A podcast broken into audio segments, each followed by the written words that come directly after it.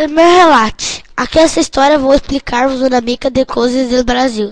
Brasil é muito grande, tem muitos racões de natureza e praia.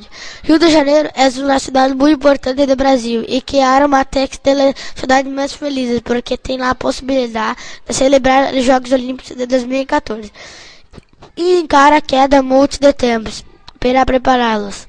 A praia de Rio de Janeiro é muito grande e bonita. Também tem o Cristo Redentor, que é uma das sete maravilhas do mundo em la actualidade. Santa Catarina é também muito grande e tem a bonita praia com de Rio de Janeiro. Todas duas são maravilhosas. Onde eu vi que não tem resto de praia, pero tem muita natureza e a me agrada porque toda a minha família está dando ouvintes. Um outro dia, mesa Deus.